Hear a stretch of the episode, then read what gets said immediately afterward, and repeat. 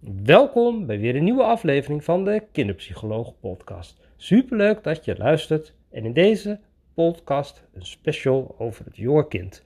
Dus ben jij ouder, opa of oma of professional en heb jij met jonge kinderen te maken? En met jonge kinderen bedoel ik in de leeftijd van 4 tot 6 jaar, zo de kleuters en groep 3, echt die groep die nog heel weinig woorden heeft, nog best wel weinig uh, mogelijkheden ook om emoties te reguleren, heel erg in het hier en nu zijn, tijd en ja, tijd en ruimte lopen door elkaar. De wereld is magisch en alles kan.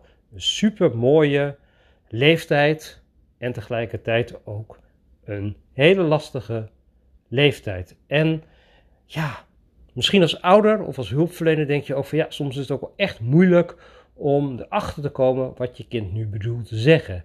En ja, daar gaan we natuurlijk in uh, de masterclass wat uitvoeriger op door. Uh, maar ook voor hulpverleners is het echt moeilijk van ja, hoe start je nu? En heel veel professionals en ook collega's van mij, die zeggen dan of die hebben de overtuiging van ja, kleuters, die doe ik niet. Dat is natuurlijk jammer, want deze, hulp, deze kinderen hebben natuurlijk ook hulp nodig. En ik zie heel veel aanmeldingen uh, vanuit de kleuters bij mij, uh, ook omdat ze doorgestuurd worden door collega's, omdat die dat dan niet kunnen, of niet willen, of niet de tools uh, daarvoor hebben. Maar toch, hoe mooi zou het zijn als we met z'n allen veel beter deze groep zouden kunnen bedienen. Want juist kleuters hebben ontzettend veel vragen en ook zij hebben echt begeleiding nodig. En hoe mooi is het als we problemen al op kleuterleeftijd kunnen aanpakken. En ja, wat je natuurlijk een beetje ziet is uh, bij kleuters, is dat de ontwikkeling van deze kleuter ook enorm uit elkaar loopt. En dat is dus heel moeilijk. Nou, in de diagnostiek, diagnostiek bij jonge kinderen is dan ook al heel moeilijk, omdat eigenlijk de meeste onderzoeksmiddelen gewoon niet betrouwbaar genoeg zijn. En dat is ook, ja, de kwetsbaarheid van deze groep is misschien ook daarin ook wel weer leidend en ook heel goed om daar voorzichtig in te zijn uh, met het doen van diagnostiek. Maar ja, het is natuurlijk zo bij deze jonge kinderen. Nou ja, ik ben zelf daar ook een voorbeeld van. Hè, mijn gehoor deed het eigenlijk niet heel goed. Uh, sterker nog, ik heb de hele kleuterperiode liplezend gedaan. Daardoor kan ik nu wel heel goed waarnemen. Maar ja, dat heeft natuurlijk wel impact op mij. En niemand had het eigenlijk in de gaten dat ik uh, niks hoorde. En ja, wel hadden ze natuurlijk vragen over het leren. En ook wel vragen, want ik speelde een beetje tussen de kinderen. Ja, dat was natuurlijk ook niet zo verwonderlijk. Want ja, als kleuter, uh, als je dan niet kan horen, ja, nou ja, dat is natuurlijk wel een lastige. In ieder geval, op een gegeven moment kwamen ze erachter dat ik veel oorontstekingen had. En dat ik van daaruit ook gewoon echt gewoon heel veel niet had opgepakt, niet gehoord. Dus nou ja, interessant. En dat werkt dan ook echt helemaal door op heel veel andere gebieden. En uiteindelijk is het wel weer goed gekomen met mij. Maar ik heb best wel een moeilijke uh, schoolperiode gehad. Waarin ik echt het gevoel had van. Nou, het leren is niet echt aan mij besteed. Terwijl ik inmiddels toch uh, eigenlijk vrij simpel een HBO gedaan heb. En later ook nog een universitaire opleiding. Niet echt simpel, maar het is wel gelukt. En ja, dat is toch wel anders dan een LBO-MAVO-advies met wat uh, ze dachten. En dan wel de nadruk op het LBO, waar ik er wel heel snel bovenuit steeg. Maar ja, eigenlijk in die fase ging het dan best wel ook al mis. En dat ik ook niet echt uh, gezien werd, gehoord werd en ook niet ondersteuning kreeg. En ja, dat is natuurlijk wel een ingewikkelde bij uh, kleuters. En ja, als ik mezelf dan zo voorstel, hè, terug in de tijd, dan zie ik mezelf ook wel rond zo'n Duplo-tafel staan. En dan ben ik daar aan het spelen. En dan ben ik weer mijn speelgoed kwijt. En dan is iemand wat het weer afpakt van me. En daar was ik zo heel druk mee. En eigenlijk mijn plek innemen vond ik toen heel erg lastig.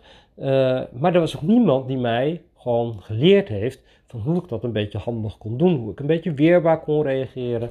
En hoe ik dan um, uh, ja, mijn plek veel beter kon innemen. Uh, hoe ik uh, om hulp kon vragen of hoe ik mijn grenzen goed kon aangeven. Wat wel mijn sterke kanten waren. Hè, de nadruk lag vooral op dat wat niet goed ging. zo werd mijn beeld ja, best wel negatiever. Met als gevolg dat ik moest gaan judoën. Nou, toen ik ging judoën vervolgens, werd ik weer gelijk in de houtgreep gelegd. En ook dat was nou niet echt bepaald een ervaring waarvan ik het gevoel kreeg van zo, dit is makkelijk, ik sta sterk.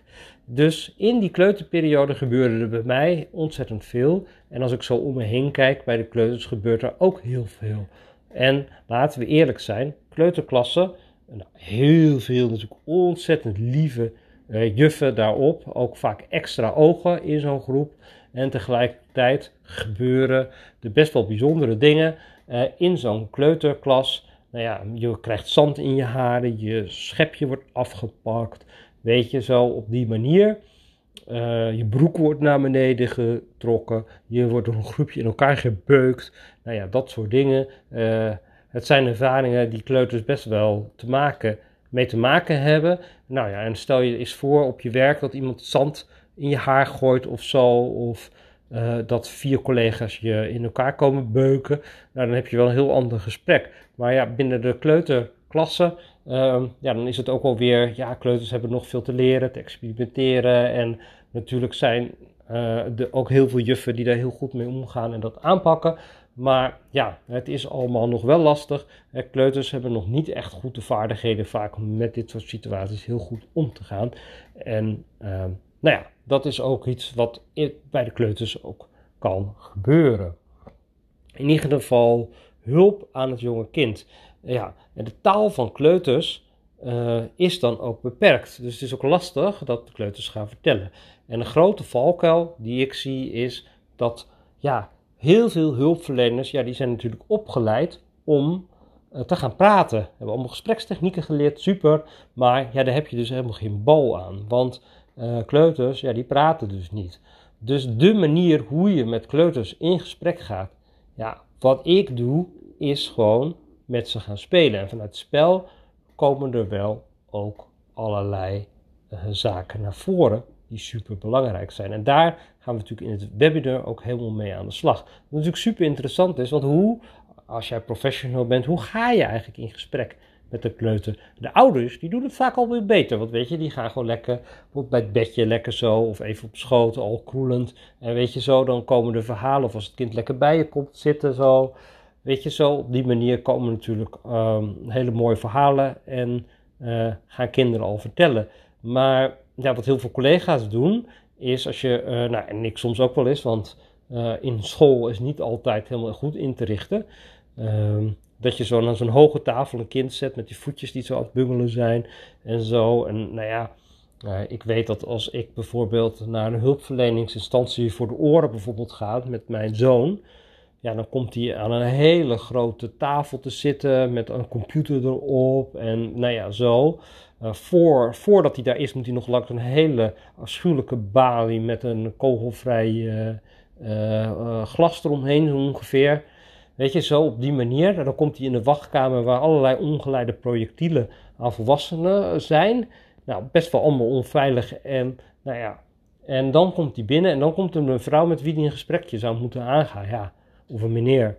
Die gaat natuurlijk dus echt helemaal niet werken. Want die hele wereld is dan zo niet ingericht op wat dit kindje nodig heeft, wat onze zoon nodig heeft. Maar ja, als je dus een speelkleed neerlegt en je gooit een paar speelgoedjes erop, nou dan heb je natuurlijk al een hele andere beweging. Dus dat is wel echt mooi. Dus het speelkleed, daar heb je gelijk al één tool te pakken waarmee je al aan de slag kan. En er zijn er heel veel. En ja, wat voor speeltjes kan je dan neerleggen? Dat is eigenlijk heel makkelijk. Als je al zes knuffels en drie auto's en een dino neerlegt, dan ben je al best wel ver. Dus, en daar gaan we in die masterclass ook echt op in. Nou, met welke spelletjes kan je daarmee aan de gang? Die ga ik dan ook echt helemaal inspreken.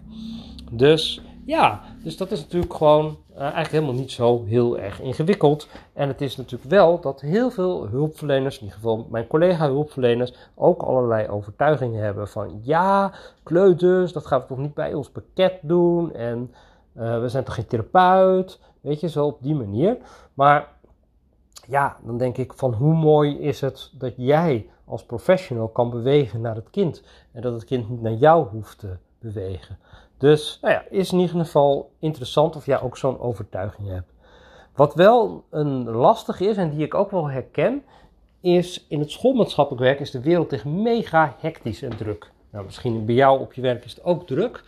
En op het moment dat ik in een soort van regelschrijfmodus bij de, op school zit bij de oudere uh, Bij de oudere kinderen is het echt wel lastig om nou ja, bij ons op mijn school zijn, is de kleuterafdeling in een ander gebouw. Dus ik moet ook nog echt plannen en op en neer. Maar dat maakt dan wel weer uit dat ik het daar beter kan inrichten. Ja, en daar dan zoek ik even wat spullen bij elkaar. Want ik moet dan ook weer reizen. En ja, ik kan niet mijn hele praktijk meenemen natuurlijk. Als ik op school ben. En misschien heb je wel een eigen praktijk. Dan kan je die wel helemaal inrichten op kleuters. Dat is natuurlijk super. Maar misschien is dat wel weer iets wat lastig is. Maar dan kan je zeggen: ja, ik werk op twee locaties, dus dan kan het niet. Maar dan kan het ook. En dan zorg je gewoon dat daar op die plek wat materiaal staat. Uh, wat geschikt is voor kleuters. En ja, weet je, bij ons kijk ik altijd. Er staat een klein tafeltje, die pak ik dan altijd. Er liggen ook drie hele grote knuffels daarbij. En nou, dat pak ik ook. En nou, dan pak ik alvast wat papier en kleurtjes erbij. Nou, zo. Nou, dan heb je al een klein basisje, een paar knuffeltjes, dingetjes, een paar hondpopjes die er liggen.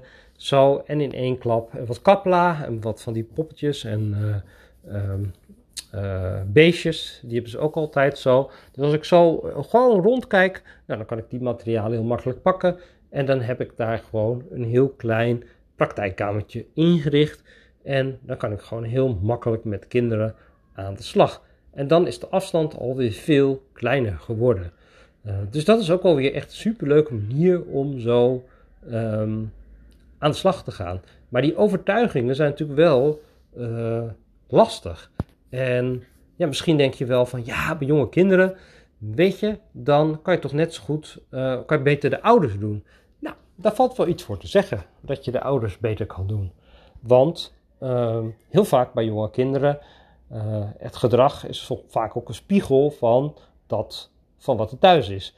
kinderen die heel veel angst hebben, vaak bij de ouders ook angstproblematiek. Als kinderen met um, heel veel boos, ruzie maken, zo vaak ook bij de ouders ook ruzie maken.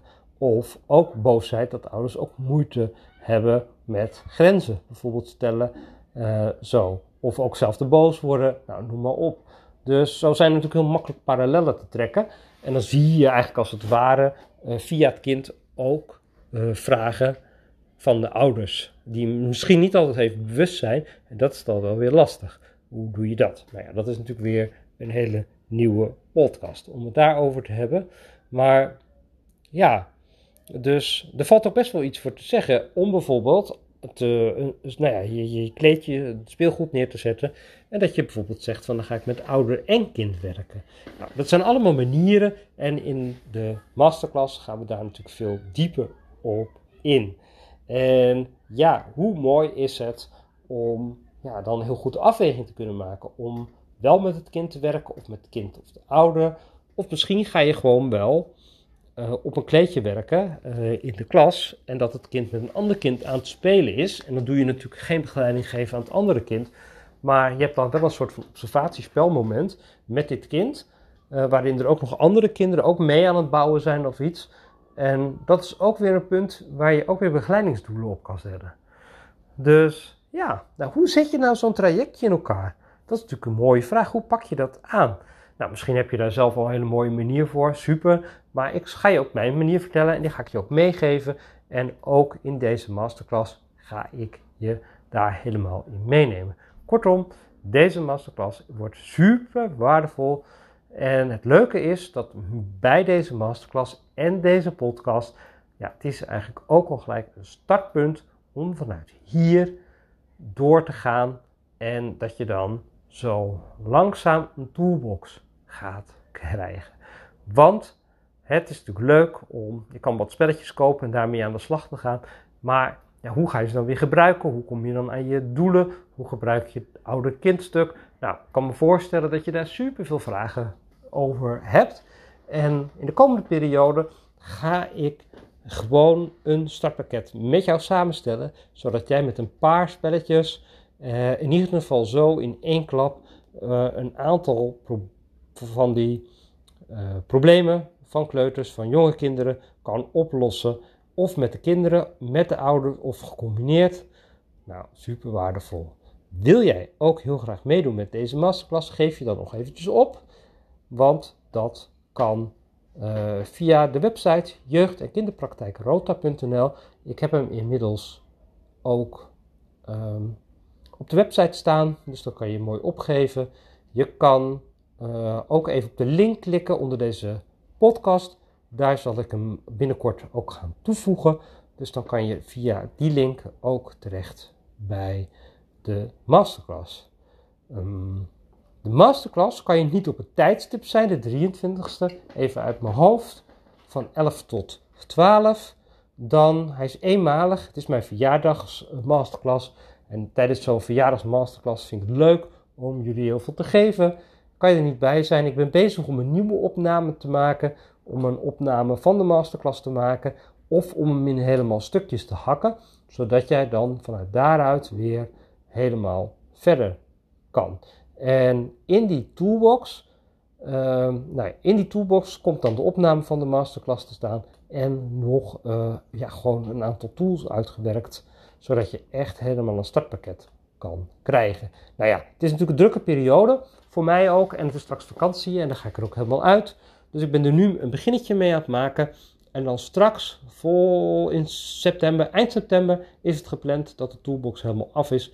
En dan heb je daar weer een heel supermooi programma voor. In mijn binnenste buiten lidmaatschap ga ik hem natuurlijk ook toevoegen. Dus ben je binnenste buiten lid, dan ga je gewoon ook dit allemaal krijgen. En kan je er ook gewoon helemaal mee aan de slag. Leuke is met de toolbox zal je merken dat ook kinderen van groep 4, 5, 6 ja, dat de tools daar ook weer mega mooi in te zetten zijn. En dat je dan, moet je een beetje aanpassen, maar ja, dat je daar ook weer mee verder kan. Nou, wens ik je een hele fijne dag. Dank voor het luisteren. En uh, nou, wie weet zie ik je bij deze toffe masterclass. Doei doei!